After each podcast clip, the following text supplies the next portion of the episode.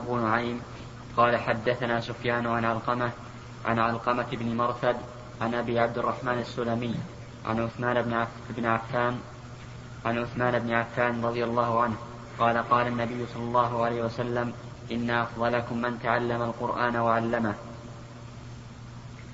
حدثنا عمرو بن عون قال حدث طيب مثل هذا الكلام إن أفضلكم وخيركم من تعلم. هذا لا شك أنه من الرواية بالمعنى. فهل الذي غير اللفظين هو أبو عبد الرحمن السلمي أو من بعده؟ ها؟ يحتمل لكن الأقرب أنه من بعده لأن الرواة عنه مختلفون.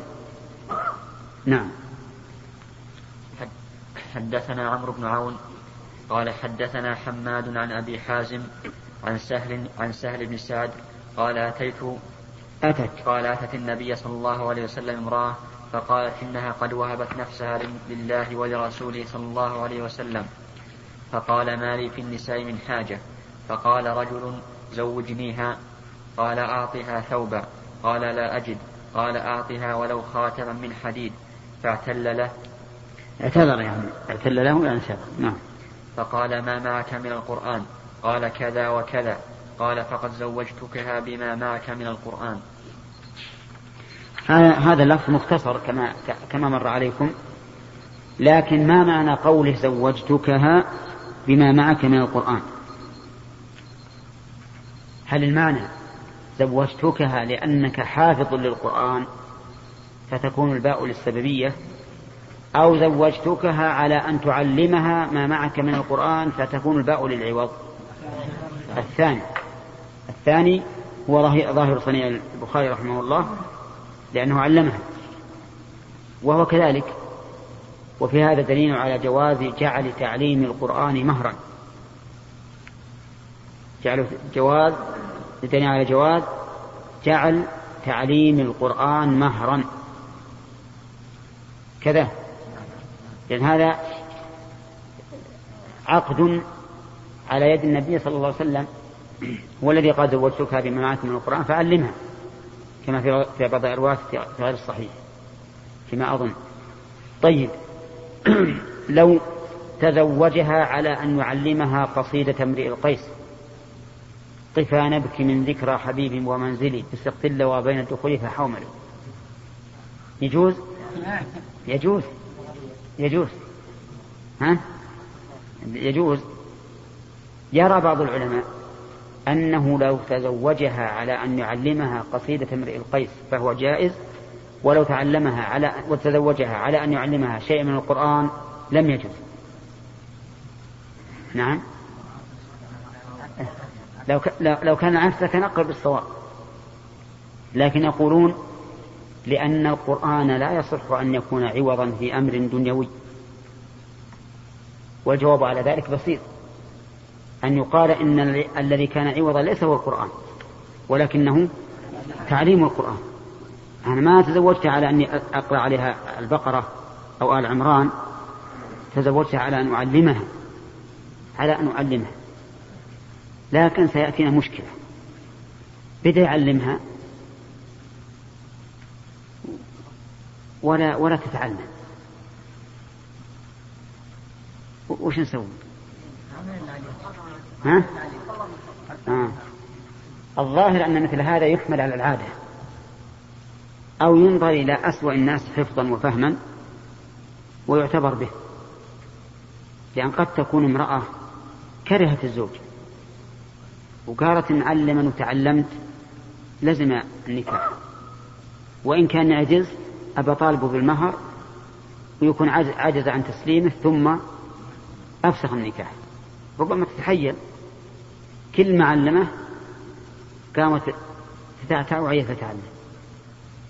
لا مثل هذا نقول يجرى فيه يعني يعمل فيه بما جرت في العادة ونقدره على أسوأ تقدير. نقدره على أسوأ تقدير. فإذا كان أبلد أبلد الناس وأقلهم حفظا يحفظ إذا كرر عليه الآية عشر مرات.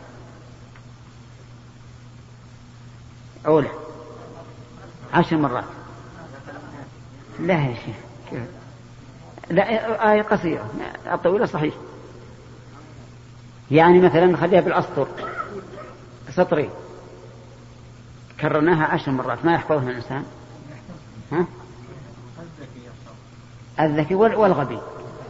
ها؟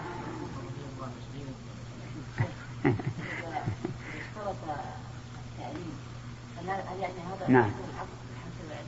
لا. زوجها الرسول. زوجه واخذ المرأة ودخل بها نعم. انتهى الوقت. ها؟ كيف؟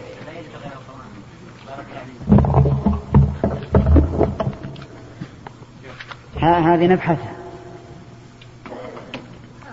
مو شرط لكن لأن لأن غير التعليم أسهل. أسهل من التعليم.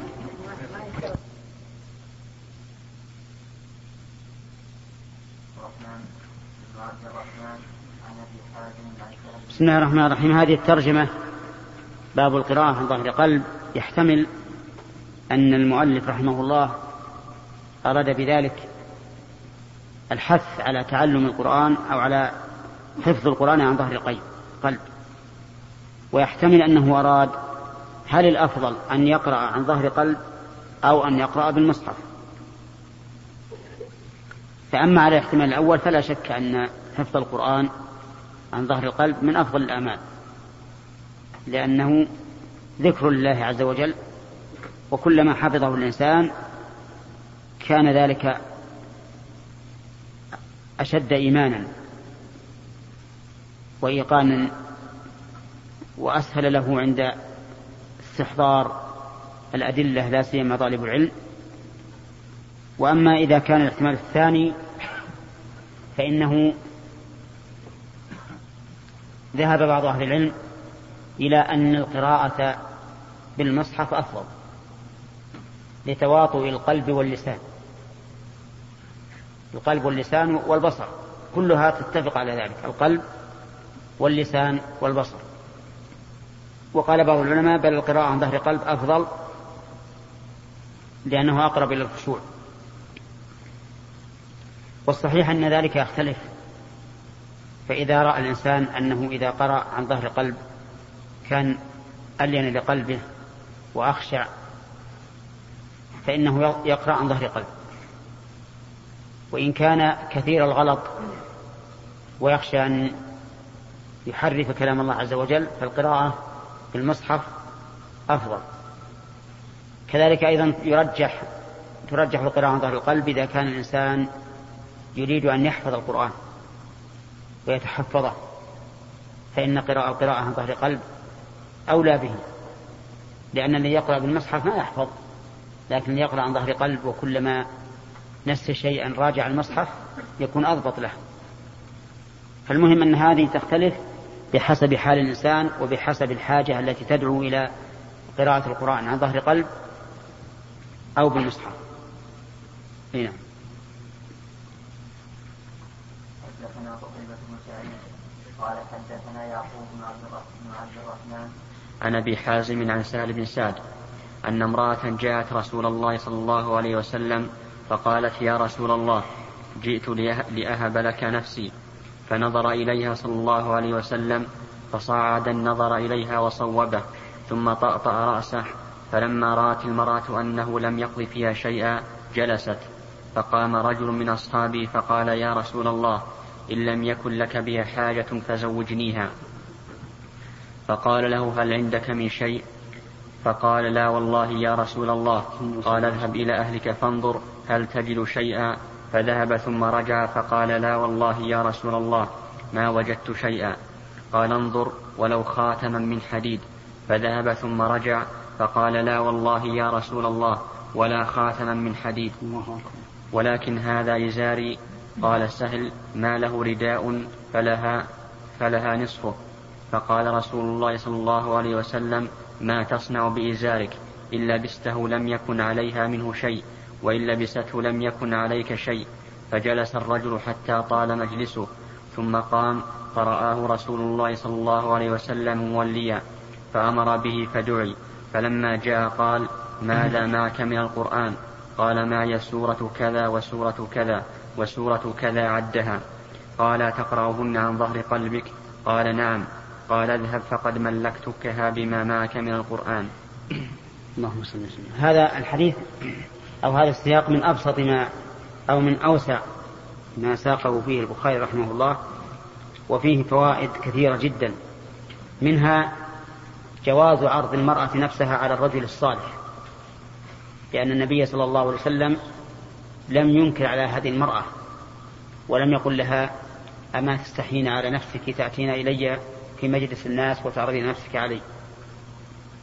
ومنها أيضا جواز هبة المرأة نفسها للنبي صلى الله عليه وسلم ولا يقاس عليه غيره لامتناع القياس لأن هذا من خصائص النبي صلى الله عليه وسلم كما قال الله تعالى يا أيها النبي إنا أحللنا لك أزواجك اللاتي آتيت أجورهن وما ملكت يمينك مما أفاء الله عليك. وبنات عمك وبنات عماتك وبنات خالك وبنات خالاتك اللاتي هاجرن معك. وامرأة مؤمنة إن وهبت نفسها للنبي إن أراد النبي أن يستنكحها خالصة لك من دون المؤمنين. وهنا قال إن وهبت نفسها للنبي ولم يقل إن وهبت نفسها لك. لإعادة وصف النبوة المقتضي للخصوصية. وإلا لكان مقتضى السياق أن يقول نعم إن وهبت نفسها لك. لكن قال للنبي لبيان مقتضى أو مقتضي الخصوصية وهو النبوة.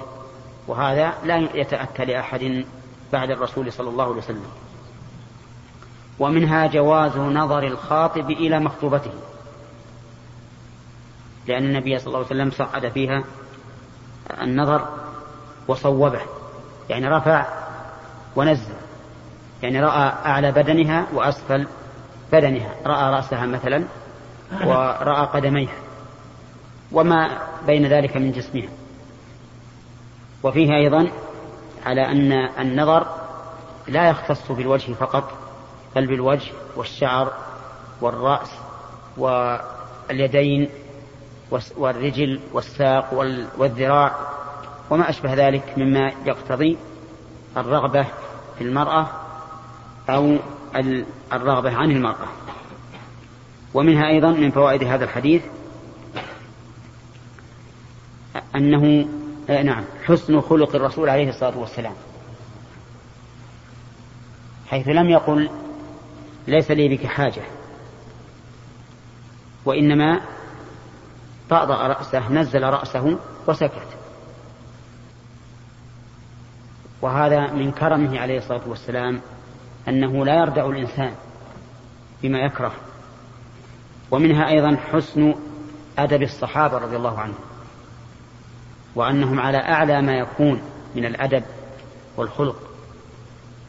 لقوله لقول الرجل يا رسول الله إن لم يكن لك بها حاجة فزوجنيها. ولم يقل زوجنيها على طول.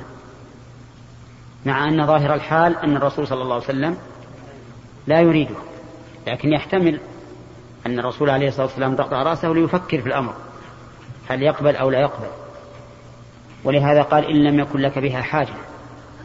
وهذا الأدب من هذا الرجل نظير الأدب من ذي اليدين حيث سلم النبي صلى الله عليه وسلم من الركعتين فقال يا رسول الله إيش؟ أنسيت أم قصرت الصلاة؟ ولم يجزم بأحدهما للاحتمال.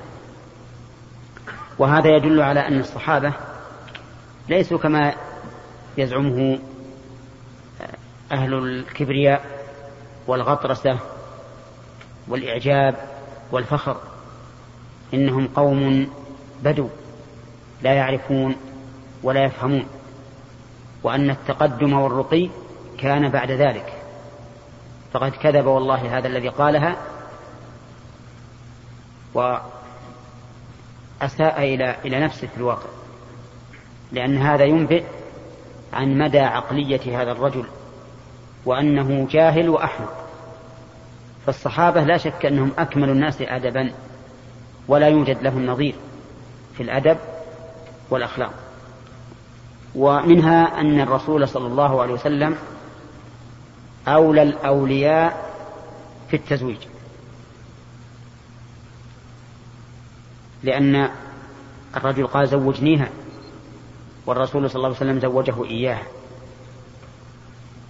ولكن مع ذلك ليس يغمط الناس حقوقهم عليه الصلاة والسلام.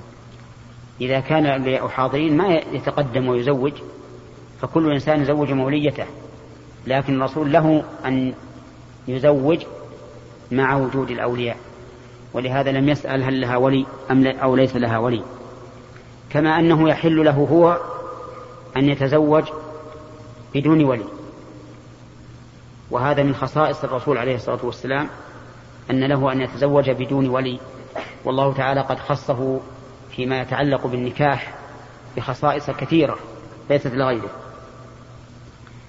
ومنها أن النكاح لا بد فيه من مهر وإن قل.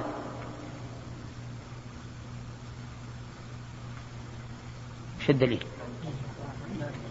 لأن الرسول سأله هل عنده شيء ليصدقها وإذا تزوج الإنسان المرأة على أن لا مهر عليه فهل يبطل الشرط أو العقد؟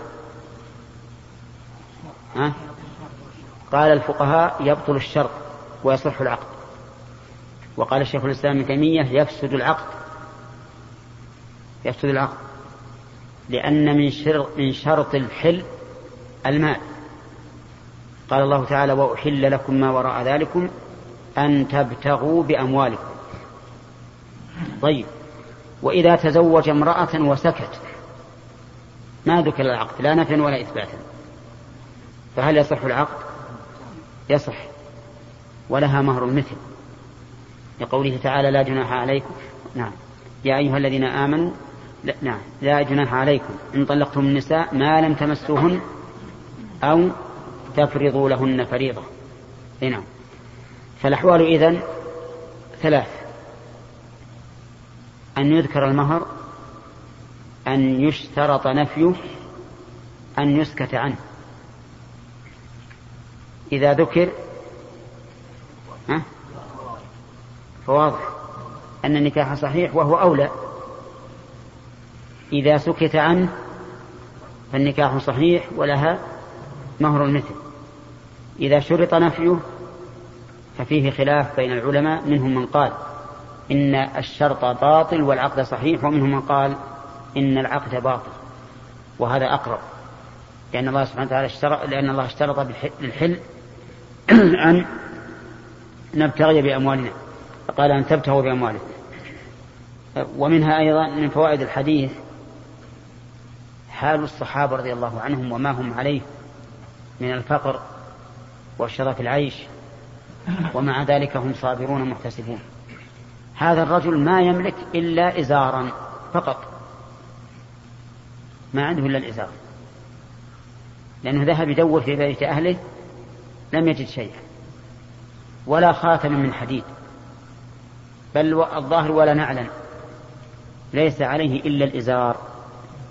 فقال هذا إزاري لها نصفه ولكن هذا لا يمكن. لأن هل تستفيد من هذا الإزار؟ ها من نصفه؟ لا تستفيد. لأن إن أعطاها الإزار ها؟ بقي ولا إزار له. وإن لم يعطها فأين المهر؟ ما أعطاها شيئا. ومنها أنه لا ينبغي للإنسان أن يستقرض ليتزوج. ها؟ لأن الرسول ما أرشده إلى ذلك ولا قال استقرض. بل بل منعه من الزواج حتى يجد المهر إذا كان لا يستقرض للزواج فهل يستقرض للسيارة؟ ها؟ لا ما يستقرض للسيارة لأن الزواج أشد ضرورة من السيارة. طيب هل يستقرض لاستبدال موديل 87 88 ها؟ يقول والله هذه للسنة. أبي أخذ من الجدد. وذهب يبيعها بنصف قيمته ويروح يشتري جديدة وش تقولون في هذا؟ لا يفعل. أي نعم هذا سفيه. هذا في الواقع سفيه. أي نعم. طيب هل يستقرض ليبني بيتا؟ لا. ما هو حاجة. يستأجر. يستأجر. لأن لأن البيت بيعمر مثلا ثلاثمائة ألف والأجرة ثلاثة آلاف ويمكن يرزقها الله في خل... لأن ثلاثة آلاف وهذه ثلاثمائة كم من سنة يستأجر ها؟ مئة سنة. في خلال مئة سنة بيجيب الله يغير الله الحال. يمكن ترخص البيوت. نعم. أو يموت. وهو الأقرب. لأن أعمار هذه الأمة ما بين الستين إلى السبعين غالبا. طيب. إذا نقول لا تستقر. لكن يستثنى من ذلك إذا كانت الدولة جزاها الله خيرا هي التي تبذل القرض للناس. تعطيهم. الظاهر أن هذا لا بأس به. لأن هذا حق يعتبر من الدولة. لست أنت الذي تذهب تسأله. ثم إن الدولة في الواقع مستوثقة. بماذا؟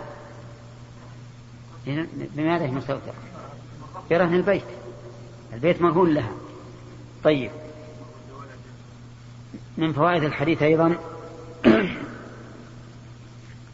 بيان أن نعم. بيان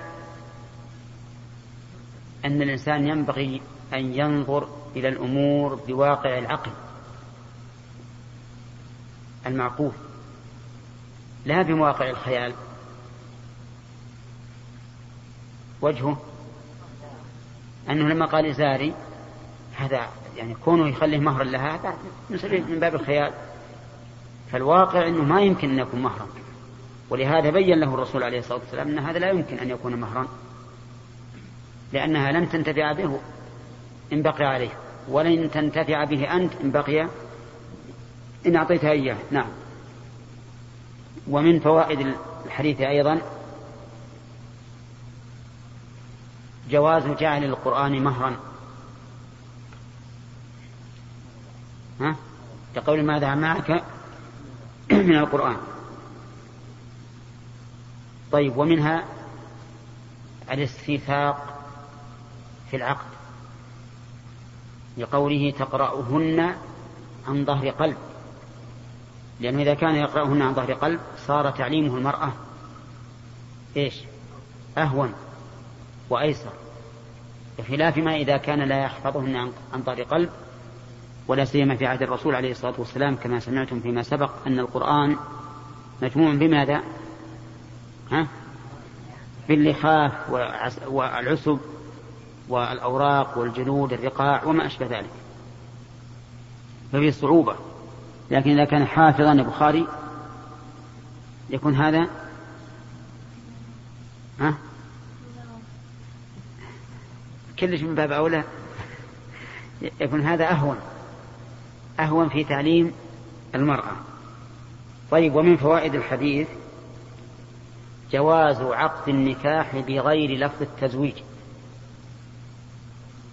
ها؟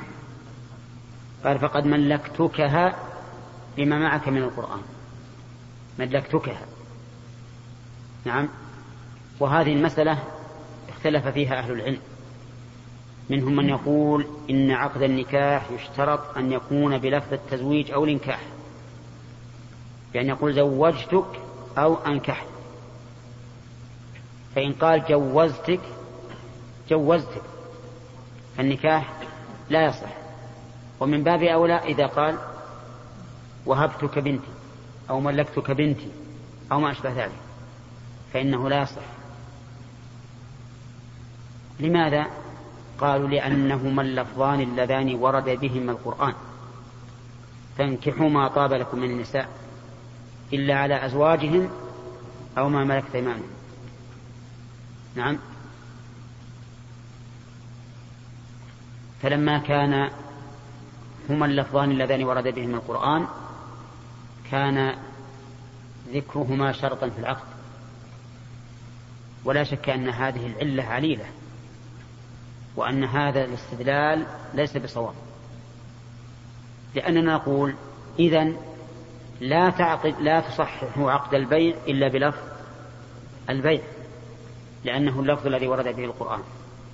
ومع ذلك تقولون إن البيع يصح بكل لفظ يدل عليه بل تقولون إن البيع يصح بالمعاطاة بدون لفظ أليس كذلك؟ طيب إذا ما الفرق؟ والصحيح بلا شك أن النكاح كغيره ينعقد بما دل عليه فكل لفظ يدل على التزويج فهو فالنكاح ينعقد به إذا قال ملكتك بنتي وهبتك بنتي فقال قبلت صار إيش؟ صار عقدا. عقدا صحيحا لا لا إشكال فيه. تثبت به جميع أحكام النكاح. فإن قلت ورد الحديث بلفظ زوجتك. ورد بلفظ زوجتك. فأحد اللفظين خطأ بلا شك. والأولى بالخطأ ملكتكها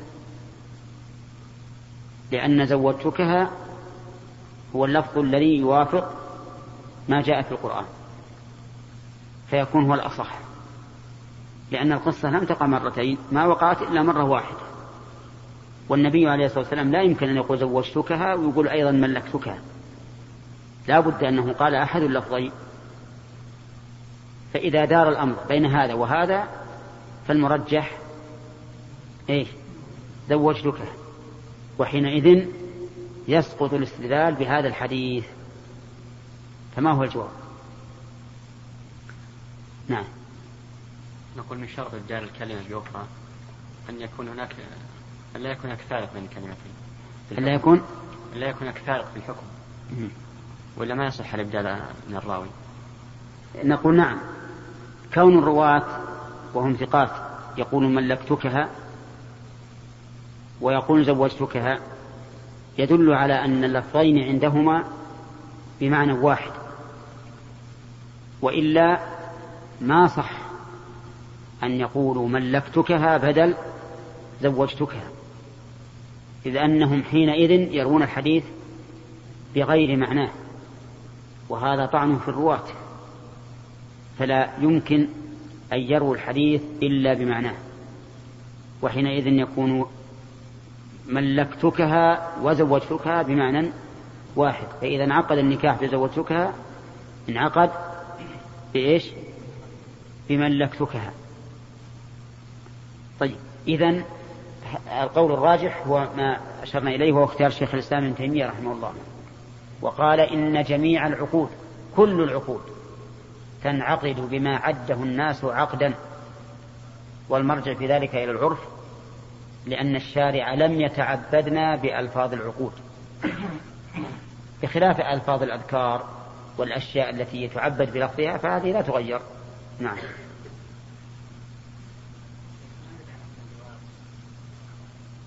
نعم.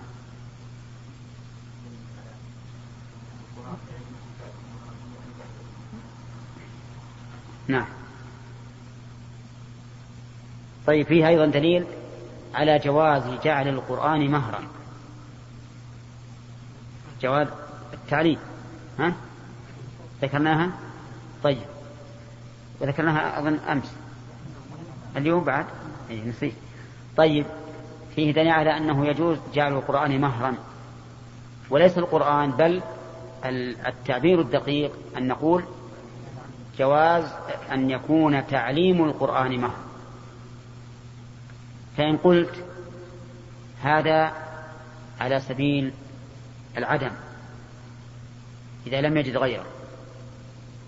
فالجواب أن ما لا يصح أن يكون عوضا لم يصح لا في حال العدم ولا في حال الوجود. أرأيت لو جعلت الخمر مهرا؟ هل يصح؟ لا يصح مطلقا. فكذلك تعليم القرآن.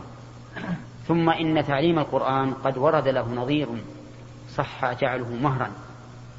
وذلك في قصة زواج موسى عليه الصلاة والسلام. فإن موسى تزوج إحدى ابنتي الرجل صاحب مدين بأي شيء؟ بأن يرعى الغنم ثمان سنين. فإن أتم عشرا فمن عنده. وهذا عمل. وهذا عمل. لكن اختلف العلماء هل يصح أن يكون المهر عملا للزوجة؟ كأن يقول المهر أن أخدمك عشر سنوات. أخدمك أنت. هل يصح هذا أم لا؟ ما هو من باب أولى. بعض العلماء يقول يجوز وبعضهم يقول ما يجوز. قال للتضاد هذا تضاد لأن هي هو مالكها وهي مالكة فإذا قال مثلا قومي اطبخي العشاء. تقول له كمان تطبخ؟ أنت خادمي. نعم. إذا قال اكنس البيت تقول أنت اكنس. وتستطيع أن تستعمله بكل, بكل عمل. ولهذا اختلف العلماء في جواز أن يكون المهر خدمة الزوجة فمنهم من أجاز ذلك ومنهم من منعه وعلل ذلك بأن هذا فيه تضاد. كيف يكون المالك مملوكا؟ نعم. لا إذا كان هو خدمة. إذا كان ليس خدمة مثل قال أن أبني لك بيتا هذا ما في بأس لأنه ما, ما في استخدام.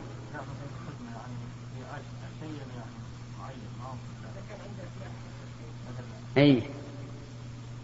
هذا أيضا ما الظاهر لا بأس به. لأن العمل هذا مو بخدمة خدمة خاصة خدمة بدن. نعم.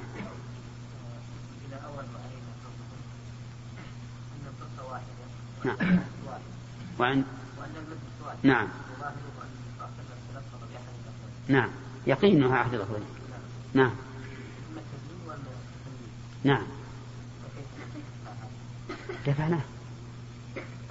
دفعناه قلنا قلنا المتبادر أنه بلفظ لكن يمكن نائم شوي.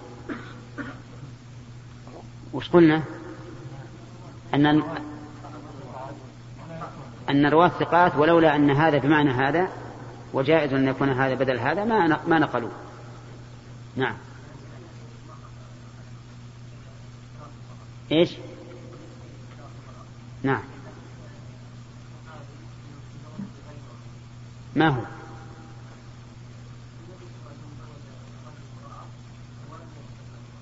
اي وش تقولون في هذا؟ لم يذكر مهرا. هذا لا بأس به. الكلام وش عليه؟ على أنه إذا اشترط نفي المهر. لا جاء قلنا ثلاث أقسام ها؟ الله يمكنك يا بدر اليوم شبعان بالحيل. قلنا مسألة لها ثلاث أقسام. عدها علينا أنت. طيب. نعم. تعيين المهر. طيب. ها. وش يا خالد؟ السكوت عنه وهو الذي ذكر. السكوت عنه قلنا جائز بنص القرآن. لا جناح عليكم إن طلقتم النساء ما لم تمسوهن أو تفرض لهن فريضة. ساكتين. طيب.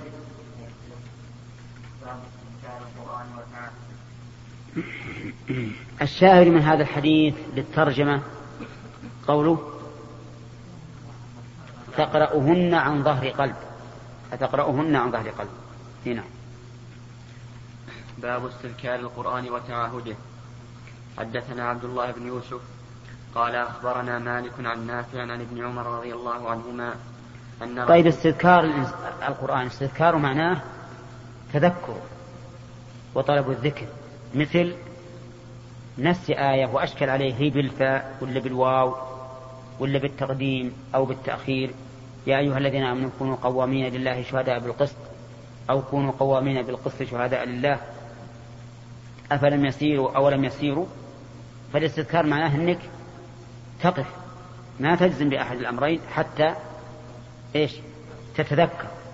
حتى تتذكر. نعم. ويتبين لك ثم تقرأ. تعاهده أن تكثر من قراءته. أن تكثر من قراءته. هذا هو الفرق بين الاستذكار وبين التعاهد. نعم. حدثنا عبد الله بن يوسف. قال أخبرنا مالك عن نافع عن ابن عمر رضي الله عنهما أن رسول الله صلى الله عليه وسلم قال في فائدة قبل آه، إحنا ذكرنا أن في الحديث دليل على أنه لا ينبغي للإنسان أن يستدين للزواج ولا لغيره. وهذه المسألة كما نعرف وتعرفون أيضا ابتلي الناس أو كثير منهم بها. وهان عليهم الأمر في مسألة الاستقراض في مسألة الاستقراض تجد الإنسان لو يحتاج لأمور كمالية ما ضرورية؟ ذهب يستقرض وهذا لا شك من سوء التصرف. والذي ينبغي للإنسان أن لا يستقرض أبدا إلا مع الحاجة القصوى التي لا بد منها. أما مع الاستغناء فلا ينبغي أن يستقرض ومنه أيضا نظير ذلك لا ينبغي أن يشتري أكثر مما يملك. يعني مثلا الإنسان عنده عشرة آلاف ريال. يقول بشتري ما يساوي كم؟ عشرين ألفا مثلا. ولا سيما في أوقات ارتفاع قيمة السلع. فإن الناس لما كانت العقارات ترتفع ارتفاعا ملحوظا صار الواحد منهم يشتري من العقارات أكثر مما يملك من الأموال. وماذا حصل؟ صار النتيجة الإفلاس والديون التي تتراكم على الإنسان. كذلك أيضا ترتفع بعض الأسعار بعض السلع ارتفاعا ملحوظا. كالذهب أحيانا يأتي عليه أوقات يرتفع ارتفاعا ملحوظا في اليوم يمكن يربح في اليوم في المئة خمسة وعشرين في اليوم الواحد. فتجد بعض الناس يكثر من شراء الذهب. فيقع في محذورين. المحذور الأول أنه اشترى ذهبا ولم يسلم القيمة وهذا ربا. ولا لا؟ والمحذور الثاني أنه سفه في التصرف حيث اشترى أكثر مما مما يملك. وأنت إذا اشتريت بقدر ما تملك إن ربحت فهو ربح. وإن خسرت لم تخسر. عندك مال. مالك محفوظ. بخلاف ما إذا اشتريت أكثر. وعند العامة مثل جيد. يقولون مد رجلك على قدر الحافة هذا إنسان الحافة مثلا مترين وطوله هو مترين ونصف إذا مد رجليها أكثر من على على طولها العادي ها؟ يبي يطلع نصف متر. لكن إذا كف رجليه ها؟ غطاه الحاف غطاه الحاف.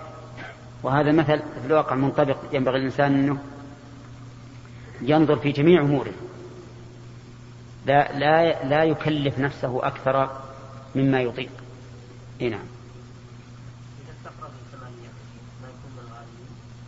من الغارمين؟ أي مسألة الزكاة يكون من الغارمين لكن من الذي يعطيه؟ يمكن ما أعطون يجدون ناس أفقر منه.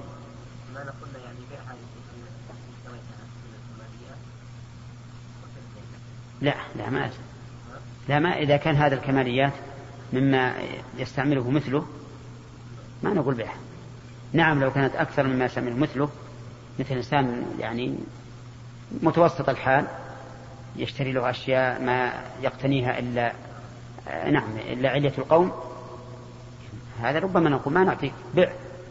وش على قدر. لكن في هذه الحال ربما يقول لنا أنا إذا بعت هذا الذي عندي واشتريت ما يناسبني فأنا إذا بعته يمكن أزيده أيضا يعني لأن, لأن الشيء المستعمل يكون قيمته ناقصة. فأنا اشتريته مثلا بعشرة آلاف الآن أبيعه يكون بخمسة آلاف ولو أشتري جديد مما يليق بحالي اشتريت بخمسة آلاف. إذا ما الفائدة من البيع؟ حينئذ نقول لا بأس نعطيه نعطيه ونقول لا تعود لي هذا الشيء. نعم. ها؟ كيف؟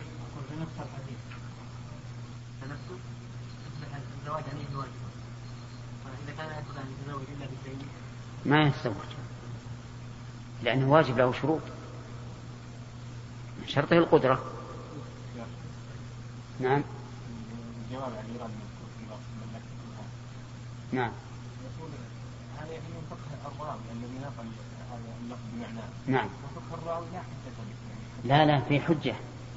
في حجة لأنه لأنه لأنه من المعروف عند جميع العلماء المحدثين أن نقل الحديث بغير, بغير معناه حرام.